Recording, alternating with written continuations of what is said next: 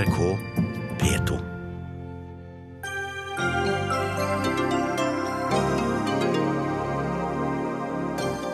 Regjeringen vil la pelsdyrnæringen bestå, men dyrene skal få det bedre. Mange vil gå konkurs, frykter oppdretterne. Hvis Kristelig Folkeparti lukker døren for samarbeid med Fremskrittspartiet, øker sjansene for at Jonas Gahr Støre blir statsminister. Eller kan partiet få Erna Solberg til å velge bort Frp? Og Bjarne Melgaards bilder er ikke trykksaker likevel. Siv Jensen redder kunsten fra tollerne, som må gi fra seg det som nå er kunstverk, uten moms.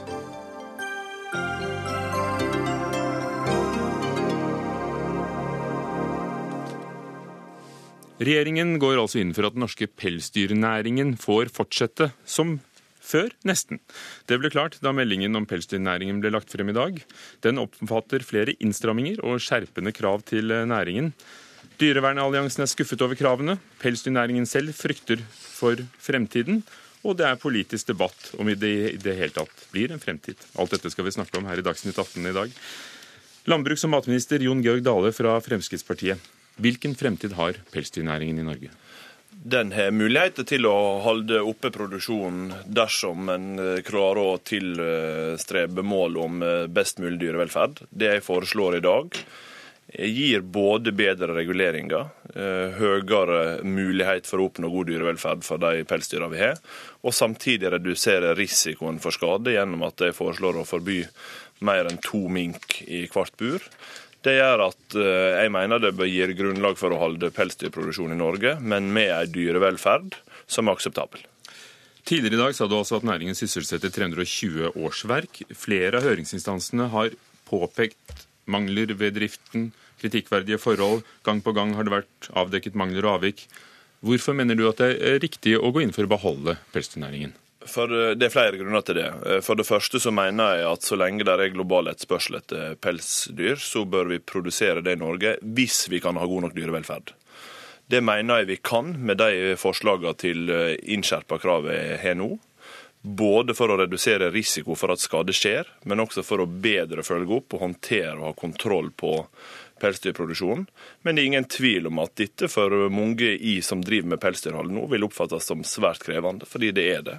Fordi jeg hadde ikke Ja, det vil det være for en del produsenter. Og det som er utfordringa med de kravene jeg fremmer i dag, er at det vil gjelde for alle.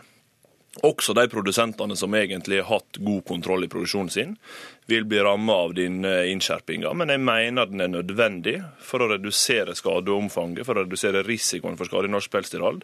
For vi har sett for mange tilfeller av for dårlig dyrevelferd i norsk pelsdyrhold, og det må vi nå rydde opp i. Guri Vormdal, kommunikasjonssjef i Norges Pelsdyralslag. Hva betyr dagens melding for dere? For det første så er vi jo glad for at regjeringa vil pelsdyrnæringa i Norge videre. Det er en god melding. Men så er vi selvfølgelig både skuffa og fortvila over at rammebetingelsene blir så vanskelig for oss at det ikke er mulig for oss å konkurrere. Vi hørte så vidt om et krav om maks to mink i et bur, men, men, hvilke andre krav er det, og, og, og hva vil det koste dere? Altså, Hvis det er slik at uh, man skal opprettholde produksjonen i en minkbesetning som man kan gå ut ifra 1000 tisper, da, uh, så betyr det en merkostnad for bøndene. Uh, fordi de må investere i ny, nye bygninger på 3 til 3,5 million kroner. Og det er klart at det er akkurat det som skal til for å, å, å sette kroken på døra for veldig mange. Vi snakker om konkurser, og vi snakker om at folk må finne seg noe annet å gjøre. Mener du at dyrevelferden egentlig er god nok i dag?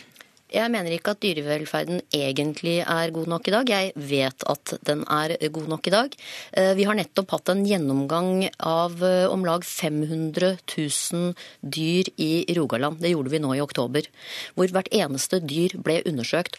Og vi finner at 99,903% av dyra er uten skader og er friske og i tipp topp shape.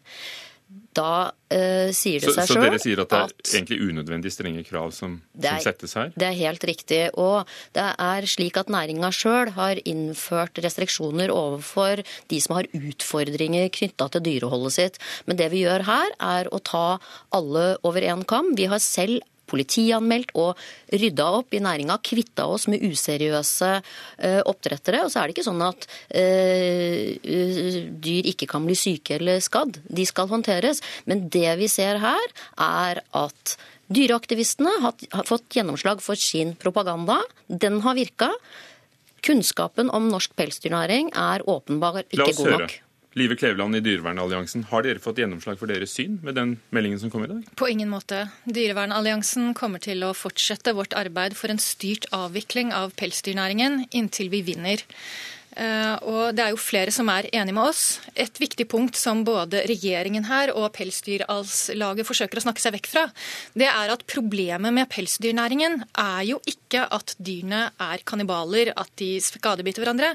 Det er selve driftsformen som er problemet. Det er ikke disse skadene. Uansett hvor strenge de kravene er. Hvilke ikke selv de kravene som Dale kommer nå være strenge nok for at det er forsvarlig, mener dere? Nei, eh, og både Dyrevernalliansen, Veterinærinstituttet og Veterinærforeningen har jo påpekt nettopp dette, at rev og mink har atferdsbehov som gjør at de er ikke egnet til et liv i fangenskap. Det er det som er det store problemet. Det er ikke disse skadene som både regjeringen og Pelsdyralslaget forsøker å redusere eh, diskusjonen til. Men de 500 000 dyrene som er undersøkt mm. i, i, i, Rogaland, hvis det da er eh, fagpersonell som finner at de har det godt. Ja, De finner jo ikke at de har det godt, fordi det er ikke målt. og Det er et, et, viktig motargument mot meldingen som regjeringen har lagt frem. Eh, den påstår at eh, det er lite atferdsforstyrrelser, men innrømmer samtidig at atferdsforstyrrelsene er jo ikke målt. Og Det er det som er hovedproblemet i denne næringen. Det er hvilke utfordringer vi vet at rev og mink har i bur. Der er de helt annerledes okay. enn vanlige husdyr. Dyr som er, eh, er, rovdyr egner seg ikke i bur, er jo det enkle budskapet fra Dyrevernalliansen. Ja, jeg har aldri sagt at de argumenterer komplisert, det har jeg ikke sagt. Det jeg sier er at vårt dyrehold er godt. Og og det er viktig. Hvis ikke vi hadde hatt en god dyrevelferd, og hvis vi ikke hadde hatt orden på husdyrholdet vårt, så hadde jo ikke bøndene tjent penger. Det nytter ikke å selge skinn som er skada. Og hvor mye penger tjener næringen? egentlig? Hvor stor er den? Ja, Det er også ganske interessant å få med seg, for vi har en verdiskaping på om lag 250 millioner kroner. Og da er det faktisk sånn at vi bidrar inn i det norske samfunnet. Det er 330 sykepleiere, det. Kjære deg, Guri Vormdal. Du kan ikke med seriøsiteten i behold stå og hevde at pen pels er det samme som god dyrevelferd. Nei. Dette er så ufaglig. Nei, det tror jeg ikke du står for. Og det gjorde jeg ikke heller. fordi Nei. det jeg sa var at vi får ikke solgt skinn som er eh, skadd. Som er bitt på. Men, men det sier altså ingenting om dyrevelferden. Som både Dyrevernalliansen og Veterinærinstituttet og Veterinærforeningen og også Mattilsynet påpeker, er dette dyr som har store problemer med å tilpasse seg i fangenskap. Og derfor er jo Dyrevernalliansen Vi lever av god dyrevelferd noe annet er Men, jo helt umulig. Likevel så hadde altså fra mai til august i år Mattilsynet rapportert 32 tilsyn mot 29 dyrehold av mink. For, for, mink er den største næringen, ikke sant? Det er flest ja. mink, ja. Det er riktig. Alle disse undersøkelsene skulle da bare kontrollere dyrevelferd. 32, uh, av de 32 så ble 21 godkjent. 11 ble angitt som ikke tilfredsstillende. Det er en, en hel tredjedel av disse kontrollene. Ja, og man finner avvik, men det er, jo ikke dagens det er jo ikke alle disse avvikene som handler om dyrevelferd. Mange av disse men her var, det, her var det dyrevelferd, da? Ja, men mange av disse påpekningene går jo nettopp på uh, tekniske forhold også, slik at vi lever av god dyrevelferd. Vi, det, det er ikke butikk for pelsdyrbonden å ikke ha god dyrevelferd i burene sine. Dale, verken Pelsdyralslaget eller Dyrevernalliansen er fornøyd med den meldingen din? Nei, det er jo en eh, litt eh, pussig situasjon å komme i.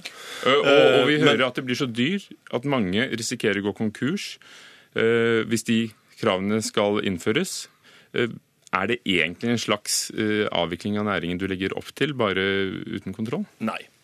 Eh, overhodet ikke. Jeg mener at eh, den, eh, de grepene vi gjør, som krever bedre dyrevelferd og som reduserer risikoen for skade, for jeg mener, som også du refererer til tall på, at det er for stor risiko for at skade kan inntreffe i norsk pelsdyrhold i dag. Men at de grepene vi gjør er nødvendige for å både sikre god dyrevelferd, ta ned risikoen. Men Kan det, sånn det, noensinne bli god dyrevelferd? For det er jo spørsmålet ja, fra Dyrevernalliansen. Det mener jeg det kan. Eh, vitenskapskomiteen viser jo bl.a.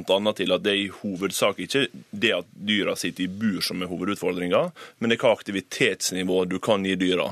Skal... Og, og, og, både Dyrevernalliansen og andre eh, på, i, som er opptatt av dyrevelferd på samme måte som jeg er det, forenkler den problemstillinga i altfor stor grad. For det handler faktisk om at de grepene vi nå gjør, faktisk stimulerer dyra til å ha høyere aktivitet, med det gir lavere risiko for skade. Du, statsråd Dale, skal få sitte, for du skal møte politikere.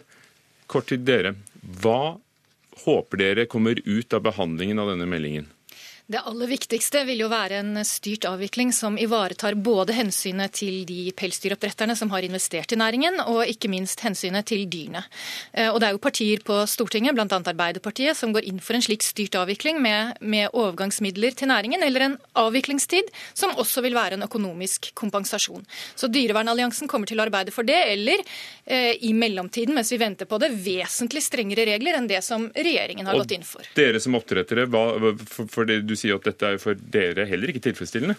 Det er helt korrekt. Så hva eh, håper du skal komme ut av den andre enden av Stortinget? Jeg håper at Stortinget besinner seg og forstår at eh, norsk pelsdyrnæring er en viktig del av norsk landbruk og har god dyrevelferd. Vi er verdensledende på dyrevelferd. Det har vi tenkt å fortsette med. Takk skal dere ha, begge to. Live Kleveland fra Dyrevernalliansen og Guri Vormdal fra Norsk Pelsdyralslag, kommunikasjonssjef der. Du, Jon Georg Dale, blir sittende. Dagsnytt 18 alle hverdager kl 18.00 på NRK P2 og NRK2.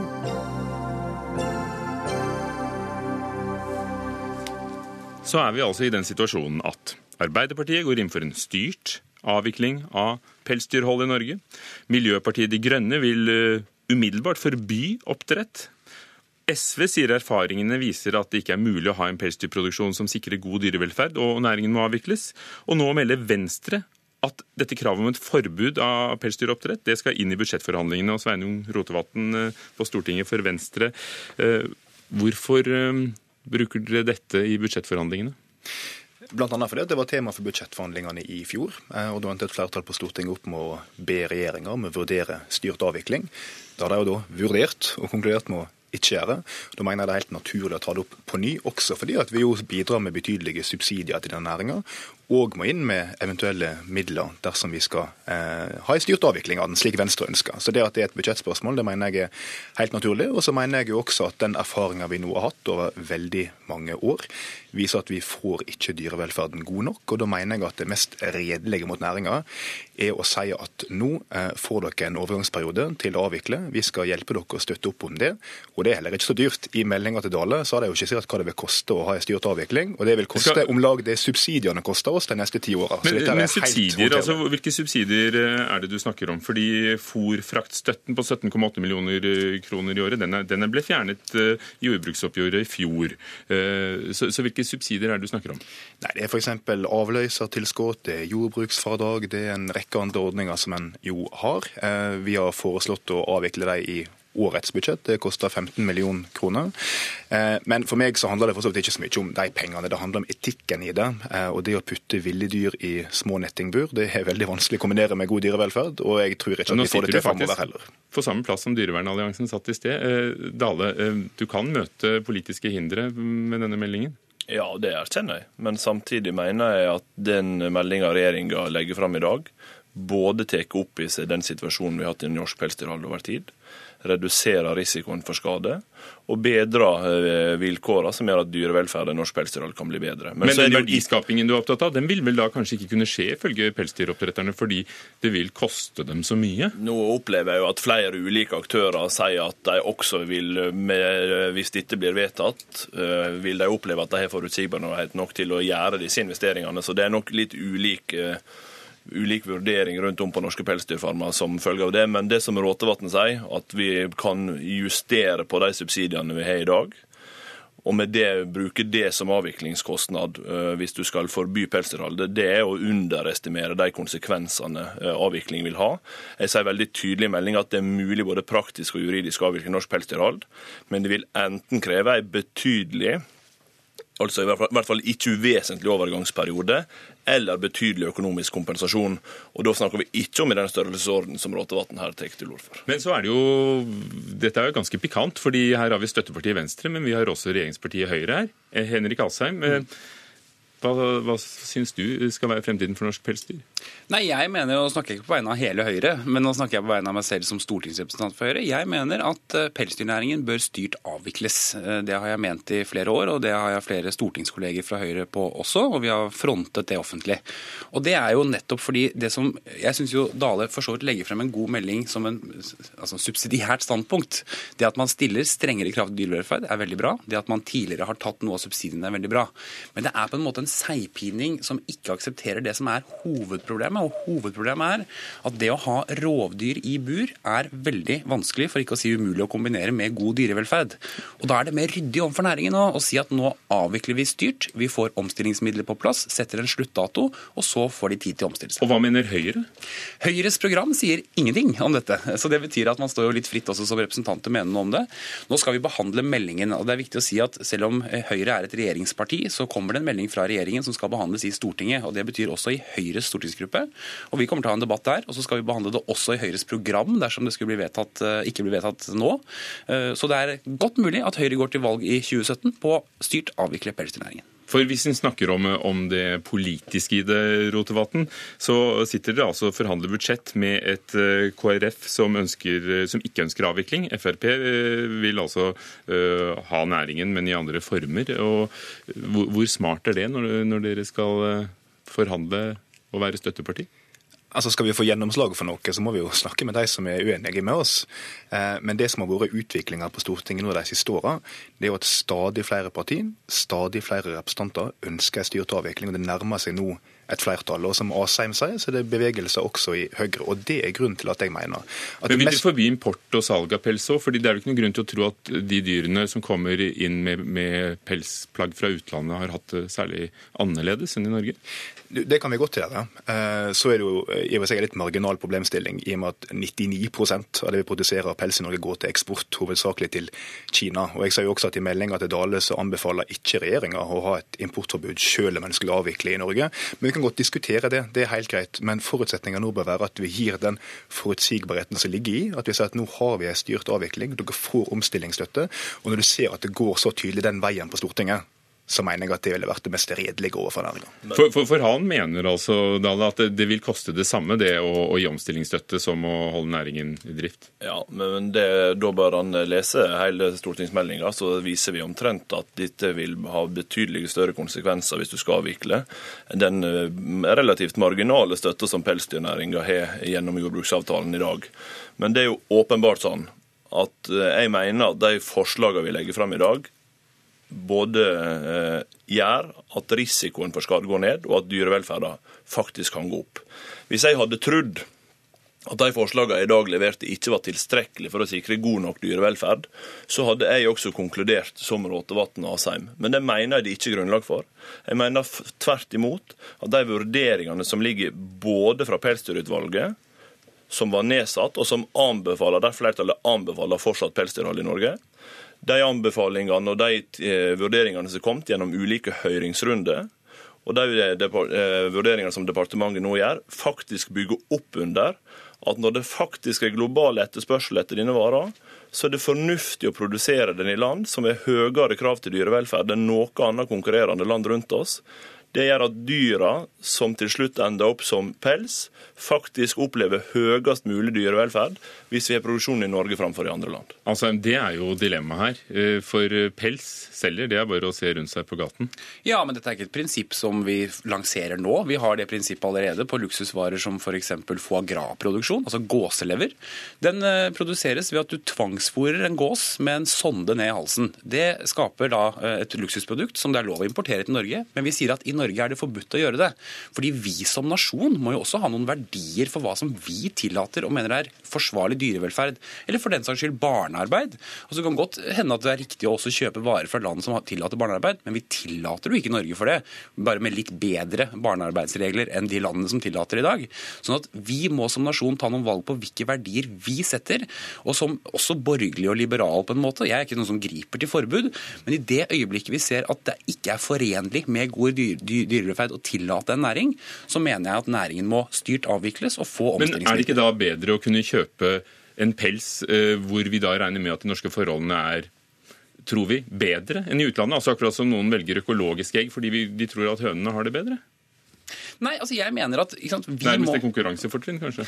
ja, nei, altså, Poenget er at det som også da Veterinærforeningen sier, eller for den saks skyld EUs samlede veterinærforening sier, det er at det er umulig å forene uh, dyrehold med rovdyr med dyrevelferd. Med mindre du stiller så klare krav at det er umulig å drive med lønnsomhet. Og i mellomtiden får vi kjøpe pelsen fra Kina eller Canada?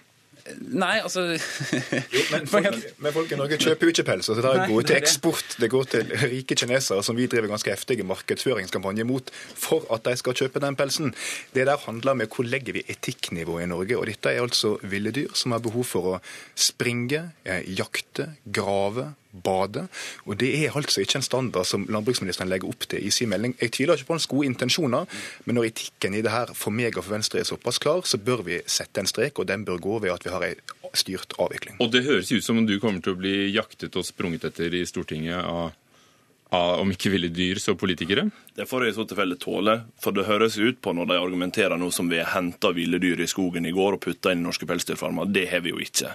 Dette er jo avlsarbeid som har foregått i snart 100 år i norsk pelsdyrnæring, som gjør at disse dyra her ikke kan direkte sammenlignes med sine artsfrender som lever i det fri. Men det er åpenbart sånn at det er behov for å gjøre tiltak som bedrer dyrevelferd og reduserer risikoen i norsk pelsdyrhold. Jeg mener en bør lese denne stortingsmeldinga og se på de vurderingene som er gjort, før en konkluderer. For jeg mener at det regjeringa foreslår i dag, både ivaretar god dyrevelferd og samtidig sørger for at enten det er tyskere, kinesere eller nordmenn som vil ikle seg pels, så skal den ha skjedd med best mulig dyrevelferd. Får dere viljen deres i Stortinget, tror dere? Henrik Asheim? Det blir veldig spennende å se. Vi skal diskutere dette i stortingsgruppen, og så får vi se hvor flertallet lander til slutt. Ja, jeg tror at flertallet etter hvert kommer til å konkludere med at nå er det nok, og det mener jeg for øvrig også et flertall i folket. Og hvis vi lytter til folk flest, slik Frp ofte sier, så er det den naturlige konklusjonen. Takk skal dere ha, Sveinung Rotevatn fra Venstre, Henrik Asheim fra Høyre og Jon Georg Dale, landbruksminister.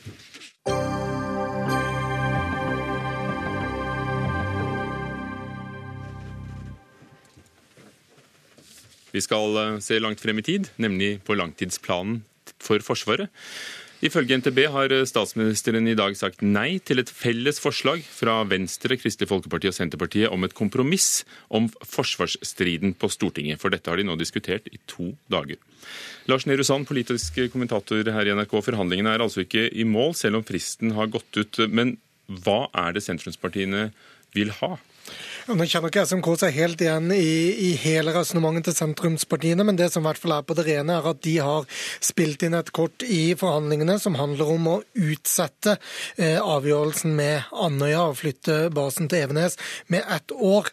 Eh, først og fremst for å få utreda på nytt eh, prislappen for, eh, for, denne operasjonen, som jo vil ramme hele Andøya-samfunnet hardt. Så vil sentrumspartiene få en garanti for at eh, Heimevernet skal være Eh, minimum eh, altså av samme styrke som i dag, og at man fortsatt skal ha en panserbataljon i, i Hæren.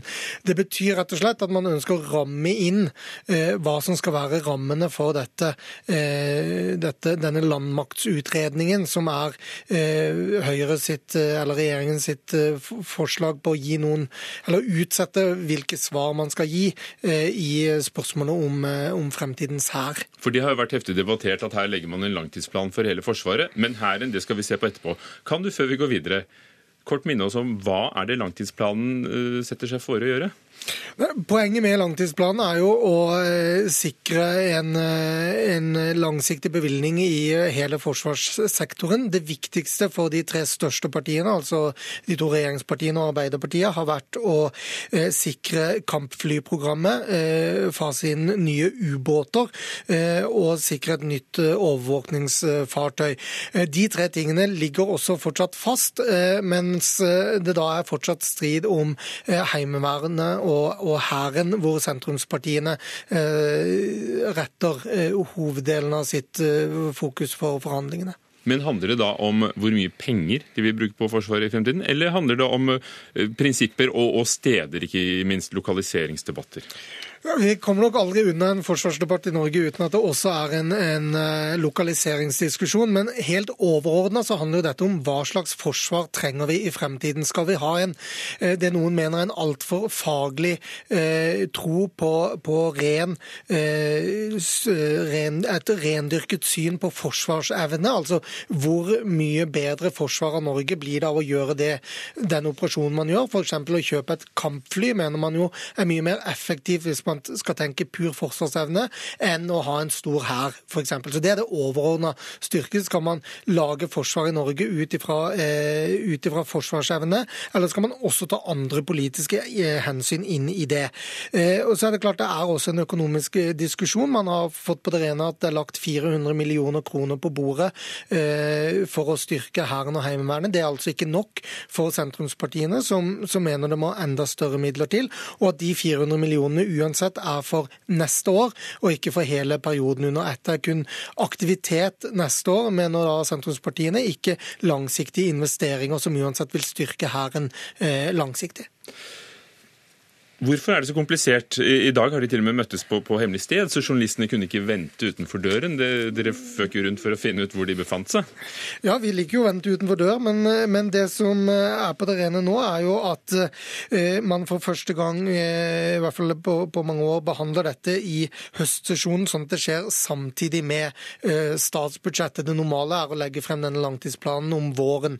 Og Når da dette skjer, kombinert med at vi har en mindretallsregjering, som da altså ikke har eh, flere flertall for sitt budsjettforslag, så er jo det delikate nå at Kristelig Folkeparti og Venstre, eh, som jo er mot eh, deler av, av forsvarsplanen sånn som den er lagt frem, eh, uansett blir møtt med det et flertall kanskje blir enige om i en budsjettforhandling. Så man kan altså se for seg at Høyre og Frp blir enige med Arbeiderpartiet om å bruke penger på forsvar, og hva de pengene skal brukes til, mens hvor de pengene skal hentes fra i statsbudsjettet, må de bli enige om eh, Kristelig Folkeparti og Venstre. Det må jo forsyne forstyrrer klimaet ganske mye når de skal sitte med, med støttepartiene sine, at de har har, har, gått bro over dem, da? Ja, Følelsen nå er vel gjerne i Kristelig Folkeparti og, og Venstre at Høyre og Frp sitter på restaurant med Arbeiderpartiet, og, og at eh, KrF og Venstre da må betale regningen for mat de ikke liker og ikke har vært med på å spise. Takk for det fine bildet, Lars Nehru Sand, vår kommentator som blir sittende til neste sak.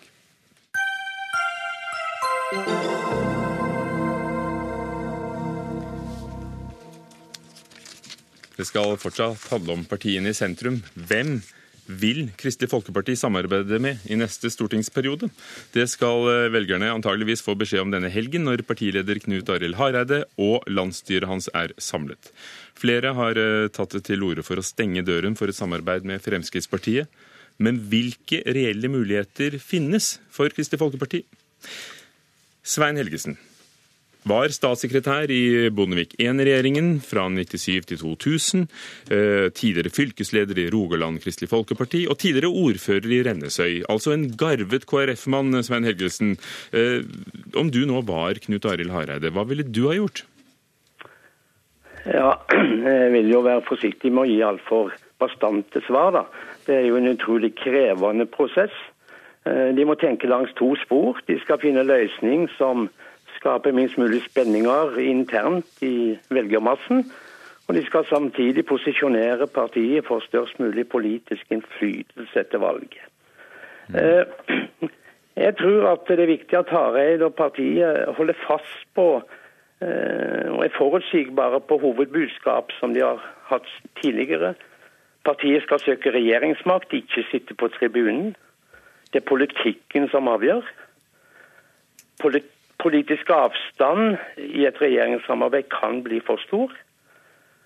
Og KrF er det eneste sentrumspartiet som i dag sier at de er åpne for samarbeid mot begge sider.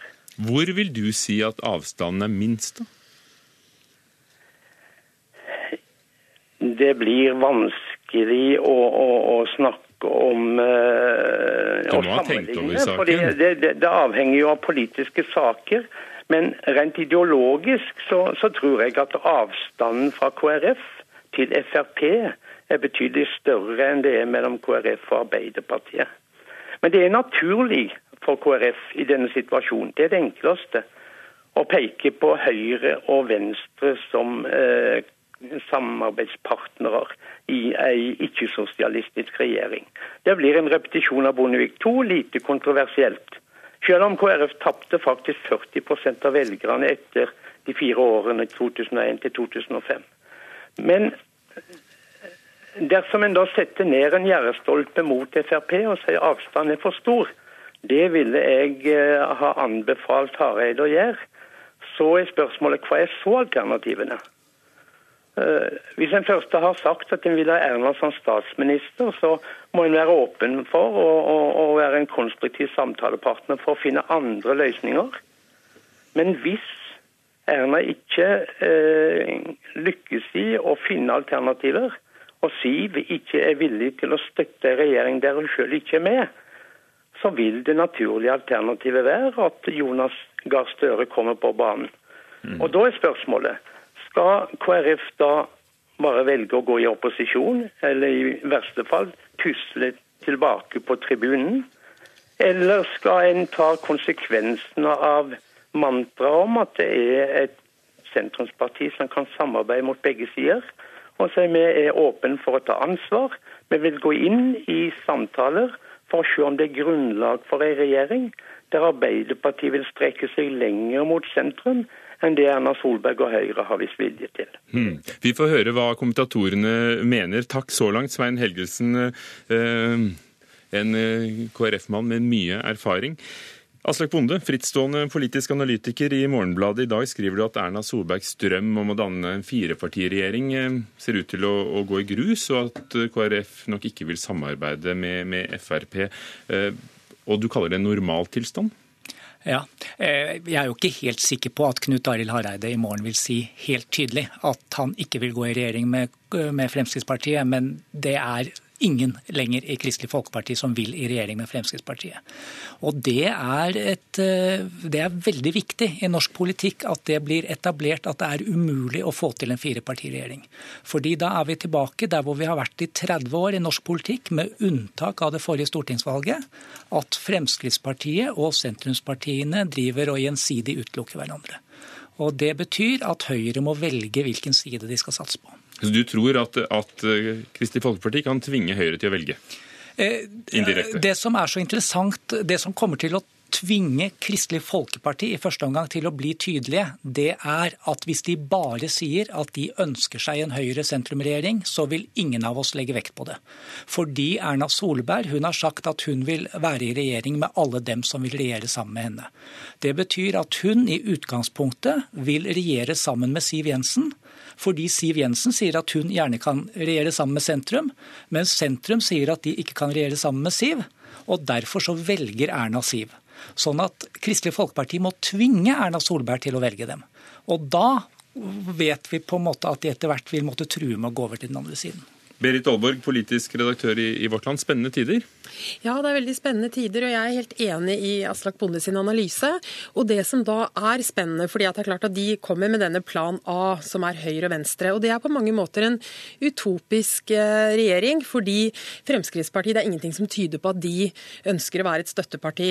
Og da blir det veldig interessant hva de lager som en plan B, eller hvilken, ikke, ikke plan B de kommer med sånn og legger på bordet, men hvilken dører de holder åpne.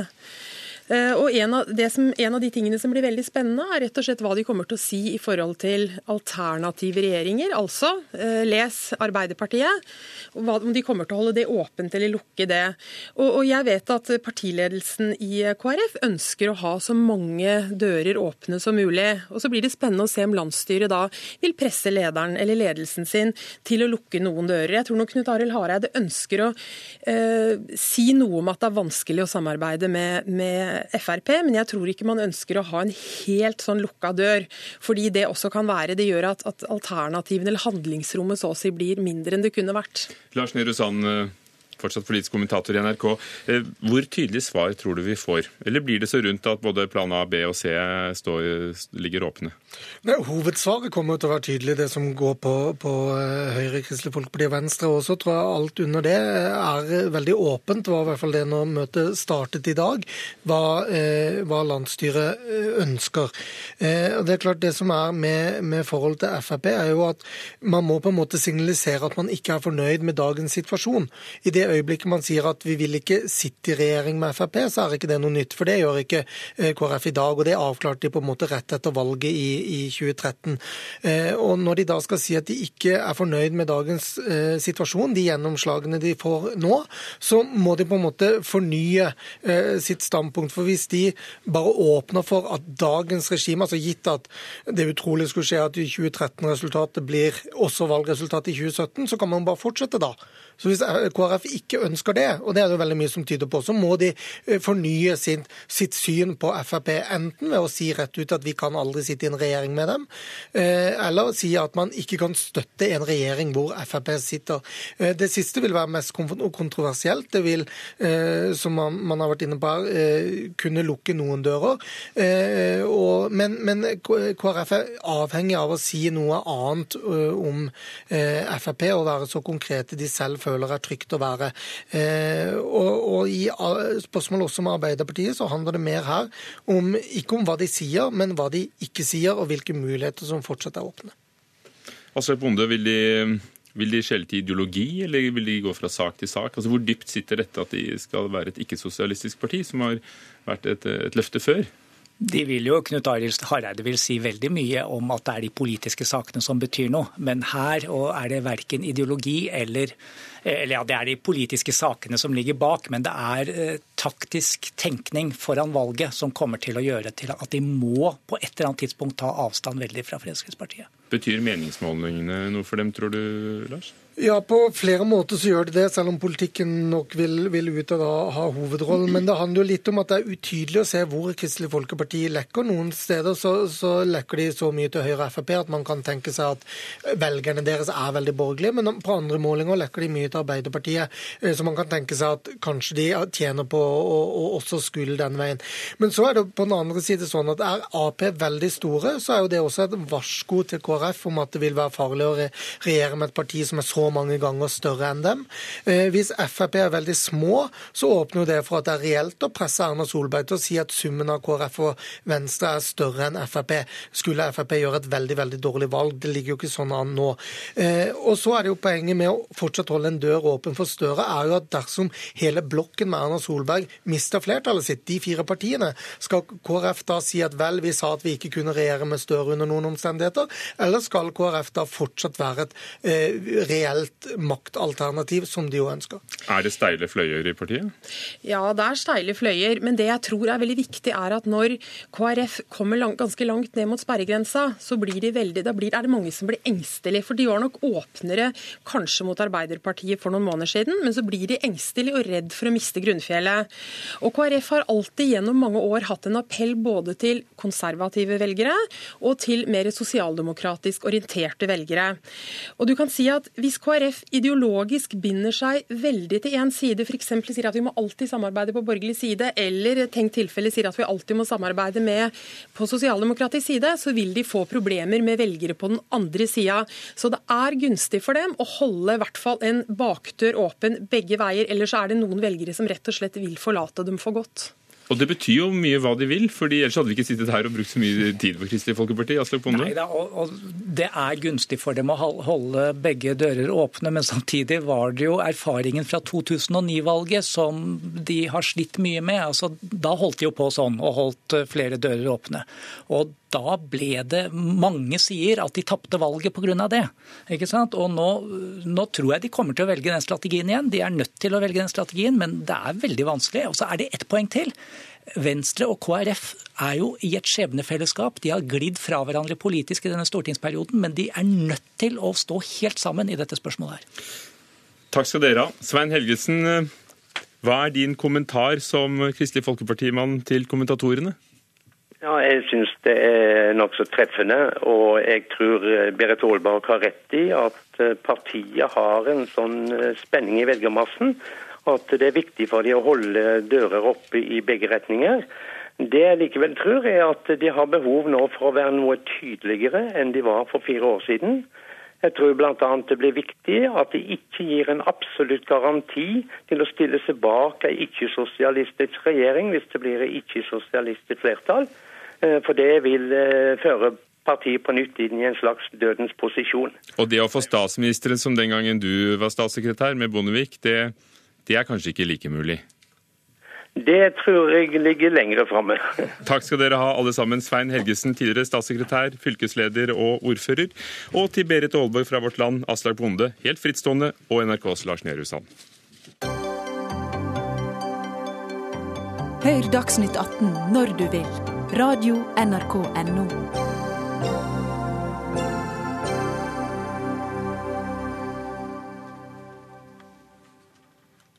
Det skal handle om uh, kunst eller var det trykksaker? Finansminister eh, Siv Jensen griper inn i saken om eh, Bjarne Melgaard-bildene, en av våre mest kjente kunstnere for tiden, som ble stanset i tollen på Oslo lufthavn.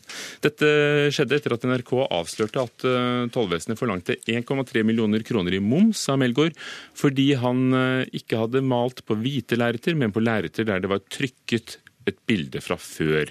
Og, og sånn rent teknisk sett, etter dagens forskrifter, så har altså tollen kommet til at da er det trykksak. Nå har finansminister Siv Jensen bedt Tolldirektoratet snu i saken, slik at Melgaard får bildene sine uten å betale.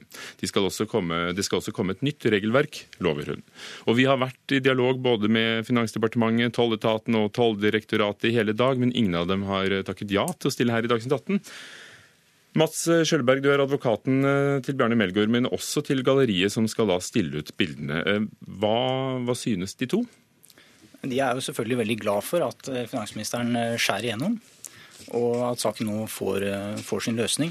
Samtidig er begge to veldig opptatt av at denne saken også får varige følger, at man får en endring på regelverket.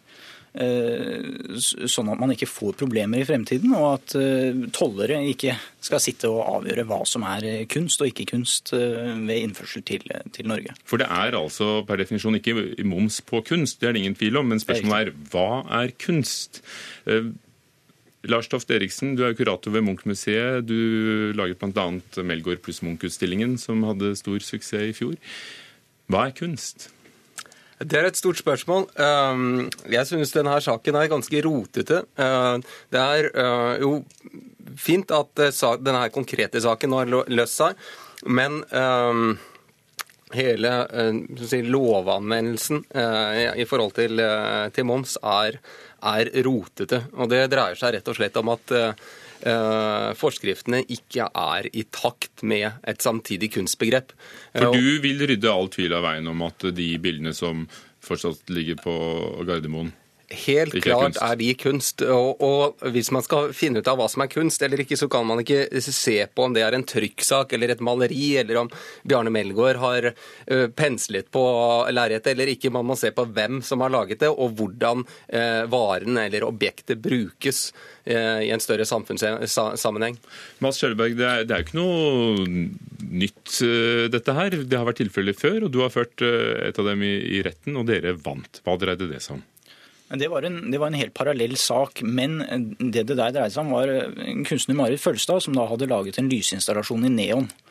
Og eh, Spørsmålet da var om det var eh, et kunstverk i form av en skulptur, som da er en annen av disse underkategoriene. Altså, Hvis det skal bli litt teknisk, så er legaldefinisjonen av kunstverk er da delt opp i en del underkategorier.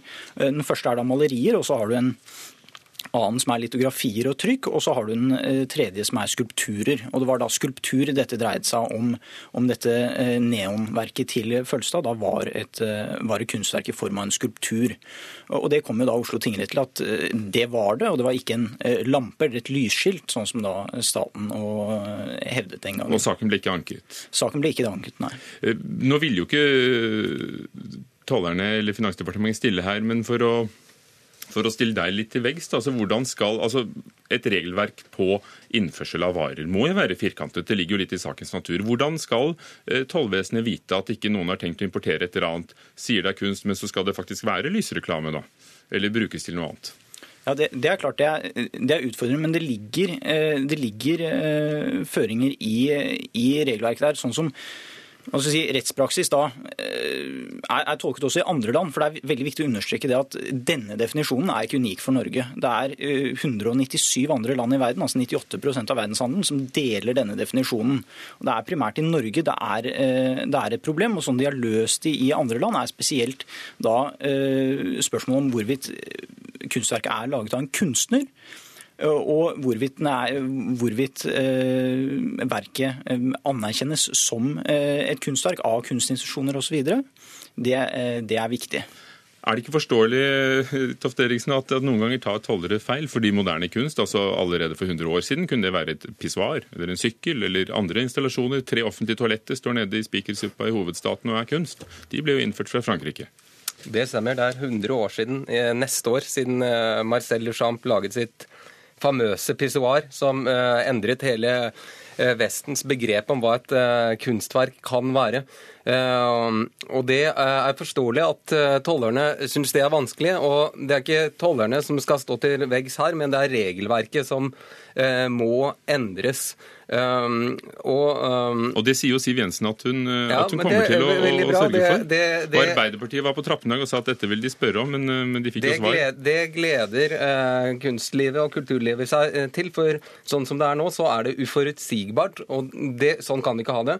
Uh, og momsfritaket for uh, billedkunstnere og kunstnere er en viktig kulturpolitisk incitament for å få kunstnere til å jobbe internasjonalt. Det er på linje med Eh, momsfritaket for aviser. Og, og, du som kurator har jo arbeidet mye internasjonalt og lagd mange utstillinger og fått mye verk til Norge og sendt verk ut. Eh, har du opplevd dette, dette før? Jeg har opplevd lignende eh, situasjoner, men som jeg skjønner det, så er eh, dette er også en praksis som har tiltatt de, eh, de senere årene. Og det, det som er viktig når vi nå, hvis regelverket blir endret, er at man slutter å se på objektene, altså kunstverkene, og se etter på en måte håndverkmessige eller materialmessige aspekter, men heller ser på hvem som har laget det. Er det en kunstner, eller vises det i en kunstsammenheng? Ja, for Tollerne har sagt til NRK i dag at de forholder seg til en annen annen definisjon av hva kunst er enn oss andre. Er det, er det et kulturelt spørsmål?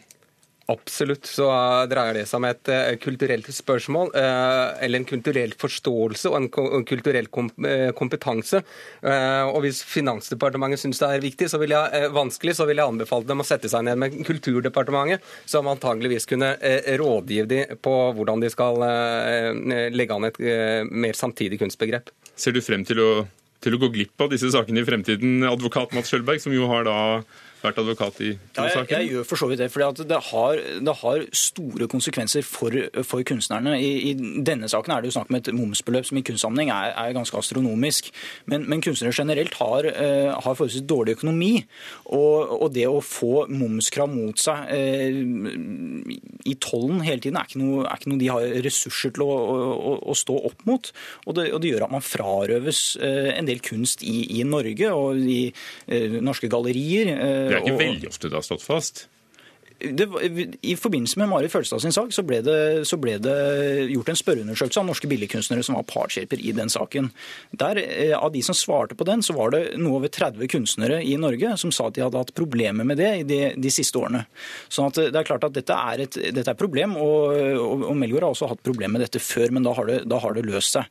Eh, men det er en problemstilling som har tiltatt veldig siden 2013 ca. Og som kanskje med Siv Jensens inngripen i dag får, uh, får, en annen skjebne. Takk skal dere ha, begge to. Mats Skjølberg, advokaten til Bjarne Melgaard, og Lars Tofte Eriksen, kurator ved Munch-museet.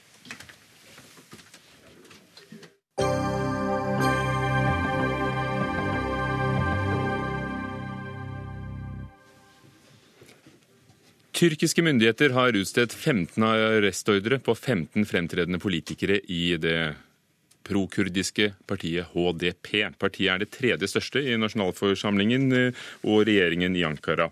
Eh, I nasjonalforsamlingen og regjeringen i Ankara de anser altså HDP som en politisk gren av det forbudte kurdiske partiet PKK. Få timer etter nattens eh, pågripelser ble åtte personer drept og minst 100 såret da en bilbombe gikk av i den østtyrkiske byen Diyarbakir. Philip Lote, vår korrespondent i Brussel. Hvilke reaksjoner er kommet fra EU etter både arrestasjonene, arrestordrene og eh, bomben? Det som har skjedd, er at Federica Mogherini har uh, uttrykt uh, dyp bekymring for situasjonen. Uh, hun er da altså EUs utenrikssjef, og hun får støtte av veldig mange av EUs utenriksministre. Og hun har bedt alle ambassadørene i EU-landene i Ankara om å ha et møte sammen for å drøfte situasjonen. Hvor, hvor mye press setter det på forholdet mellom EU og Tyrkia? Det er et vanskelig forhold. EU eh, e har jo inngått en eh, avtale hvor de betaler et, eh, Tyrkia et stort pengebeløp for å stanse flyktningstrømmen inn til Europa, og hvor de også har lovet forhandlinger om en nærmere tilknytning til EU, og også visum fri reise fra Tyrkia til EU. Og uh, Tyrkia, At Tyrkia skal få et nærmere forhold til EU, det uttrykker jo bl.a. Uh, eh, både Danmarks og Tysklands utenriksministre at det ligger ganske langt frem nå. Fordømmelsene fra Danmark, Tyskland og for så vidt Norge de ligner ganske mye. og De sier jo alle det at selv om man har en rett til å bekjempe terrorisme, så har man ikke rett til å misbruke det man har av virkemidler for å tie eh, motstemmer og den politiske opposisjonen. Så virkemidler, ja. Hvilke, hvilke virkemidler, eh, nærmest sanksjoner, vil EU da kunne sette inn? De har et begrenset antall virkemidler i og med at uh, situasjonen er De ønsker jo ikke å støte Tyrkia fra seg. De er viktige for uh, samarbeidet for å få kontroll over flyktninger, migranter som prøver å ta seg over til uh, Europa. de er redde for at Tyrkia med dette skal nærme seg andre land, som Russland. Eh, og de ønsker da ikke å De kan vurdere økonomiske sanksjoner, men, men, jeg tror prisen av økonomiske sanksjoner er politisk såpass eh, høye at det er noe de ikke vil gjøre. Men EU-partiene, altså partiene i EU-parlamentet her, har alle fordømt eh, De fleste partigruppene har fordømt Eh, det som eh, Tyrkia nå har gjort. Og lederen for eh, partigruppen til De Grønne sier jo at Tyrkia med dette har tatt ett skritt nærmere å bli et despoti. Takk skal du ha, Philip Lote fra Brussel og gaten i Brussel. Og i Norge har utenriksminister Børge Brende kalt inn eh, Tyrkias ambassadør på teppet, eh, og sier at han er alvorlig bekymret over arrestasjonen av HDPs partileder og andre parlamentsmedlemmer. Joakim Paslov, førsteamanuensis i Midtøsten-studier ved Universitetet i Oslo. Aller først, Hvem ble arrestert og, og, og fikk arrestordre på seg i, i, i, løpet av natten? Ja, nå, nå dreier det seg eh, først og fremst om, eh, om lederne i HDP. Eh, og da særlig eh, en del av de som, som, sitter i parlamentet. Så du har altså de to eh, øverste lederne i HDP, Selahattin Demirtas og Figen Yüksekdağ. Og så har du i tillegg en rekke andre parlamentarikere for partiet. Er det noen sammenheng som er blitt påvist eller antydet mellom arrestasjonene og den bilbompen som, som gikk av? Eh, nei, det er ingen, eh, ingen klar sammenheng enda. Eh, så vidt jeg vet, så, så har ikke f.eks. PKK, altså den militante kurd, kurdiske organisasjonen PKK, kommet med noen offisiell uttalelse om at de sto bak den. Men det er klart det er nok mange som vil, vil trekke den slutningen at dette var en reaksjon på, på arrestasjonen. Nå, nå, har det jo vært en del lignende bilbomber i de siste månedene som PKK har tatt på seg ansvaret for. Eh, så jeg vil nok heller tro at dette var en bilbombe som kanskje, altså hvis det, hvis det var PKK som sto bak den, at det var noe som var planlagt i lengre tid. da. Chadak Kaveh, du er historiker, selv kurder, men fra Iran, og skriver nå en bok om Kurdistan, som altså er betegnelsen på det landområdet bosatt av ca. 25 millioner kurdere i Midtøsten. Hvordan reagerer du på arrestasjonene fra Tyrkia? Altså, eh, Jeg er jo ikke overraska. Jeg tror ikke mange er det, de som følger med på utviklingen heller. Eh, først og fremst så kommer jo eh, dette, denne tilføyelsen i Grunnloven om å frata parlamentarikere politisk immunitet i mai allerede, altså i år. Og det har vært en diskusjon ganske lenge. Dessuten så må vi jo eh, se på eh, den retorikken og den, den samhandlingen mellom eh, AKP og, HDP. Eksempelvis i tiden etter kuppforsøket så har jo HDP vært ekskludert fra alle disse møtene som man har hatt, demonstrasjonene som man har hatt mot kuppforsøket. Selv om de mm. har vist avstand til det. Hva er det politiske budskapet til HDP?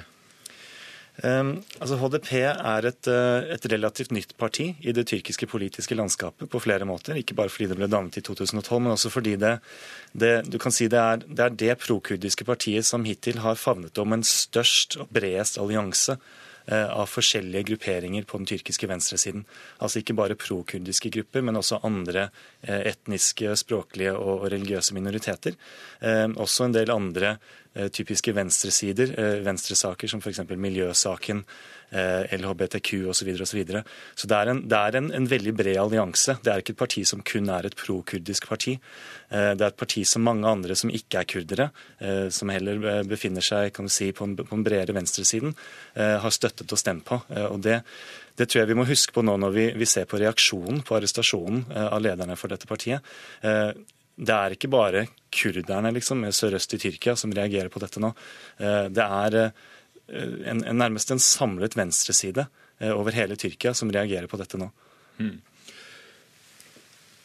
Regjeringen anser HDP som en, en, del av, eller som å stå i ledetog med PKK. Og PKK blir jo av USA og EU ansett som en terrororganisasjon, ikke av Norge. Hva, hva sier man? Fins det, noen noe holdepunkter for at det er en sammenheng mellom de to? Hvorvidt PKK er en terrororganisasjon eller anses som en terrororganisasjon i Tyrkia, er jo et politisk spørsmål. Eksempelvis da fredsforhandlingene foregikk mellom eh, regjeringen og, eh, eller myndighetene og PKK i 2013-2015, så så vi jo eh, scener hvor HDP-politikere møtte gerilja og klemte dem. Og, det skapte jo reaksjoner, men det kom aldri en rettsforfølgelse av det. Så det er et politisk spørsmål som til enhver tid. Men det er klart at det finnes jo ikke noe belegg for å si at HDP og PKK er beslektede. Men det er helt klart at de har eh, kontakt eh, mellom hverandre, og det må de jo ha. Det er jo en av, til, en av forutsetningene for at de kunne være meglere mellom myndighetene, Øcalan og da PKK. Er det sånn, bare for å forstå dette helt uh, korrekt, at, at HDP kjemper for et Kurdistan, et løsrevet Kurdistan? Nei. Det, det, vil jeg ikke si. Altså, de, sier jo, eh, de, sier jo, helt klart at de vil ha lokal, eh, lokal eh, autonomi, eller altså lokal styre. Selvstyre. De, men det, det, er ikke noe som minner om løsrivelse. Altså, selv PKK har jo for lengst gått bort fra et sånt mål. Så når du skriver om Kurdistan, hvem er det som i dag tror at det kan bli en stat, et land? Ingen i det politiske landskapet, i alle fall.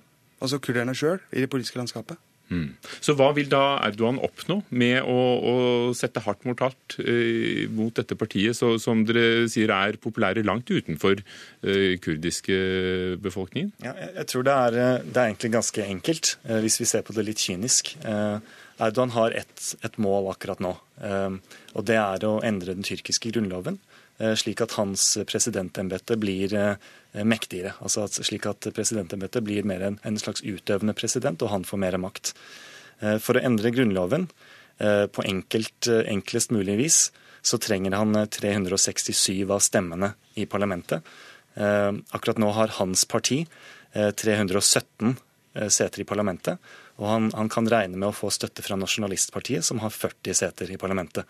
Så Hvis vi legger sammen de, så, så, mangler han fortsatt noen seter, noen stemmer, for å få gjennomført disse grunnlovsendringene på enklest mulig måte. Eh, en måte å gjøre det på vil jo da være å holde nyvalg. Eh, og helst gjøre det på et tidspunkt hvor HDP, eh, som altså har 59 seter i parlamentet, eh, er ute av spill. Så du kan si Ved å arrestere eh, Hittil er det vel rundt 5000 medlemmer av, eh, av, partiet, HDP, som er blitt arrestert. Så ved, ved, å arrestere alle disse medlemmene, og nå også arrestere lederne for partiet, så kan han nok regne med å, å få holde et nyvalg snart og få flere seter i parlamentet. Det er jo fortsatt unntakstilstand. Hvilken, hva, hva vil skje, tror du, med, med de arresterte HDP-medlemmene? Medlemmene og lederne? Jeg tror nok de vil slippes ut etter en liten stund. Eh, jeg tror litt av poenget er å, er å nedverdige dem politisk. Og, og, og, eh, men det er klart at eh, unntakstilstanden i seg sjøl har, har, jo vært katastrofalt for Tyrkia. Lærere som sies opp og, og, i det hele tatt. Så det er klart at det har destruktiv effekt. Og skaffer seg en politisk fordel selv. Takk skal dere ha. Joakim Paslov fra Universitetet i Oslo og Chala Kave, historiker, som skriver bok nettopp om Kurdistan. Marianne Myrhol var teknisk ansvarlig for Dagsnytt 18. Fredrik Lauritzen produsent. Ugo Fermariello programleder. Du kan alltid høre oss på radio nrk.no. Det kan også ses på nrk.no. God helg og takk for oss.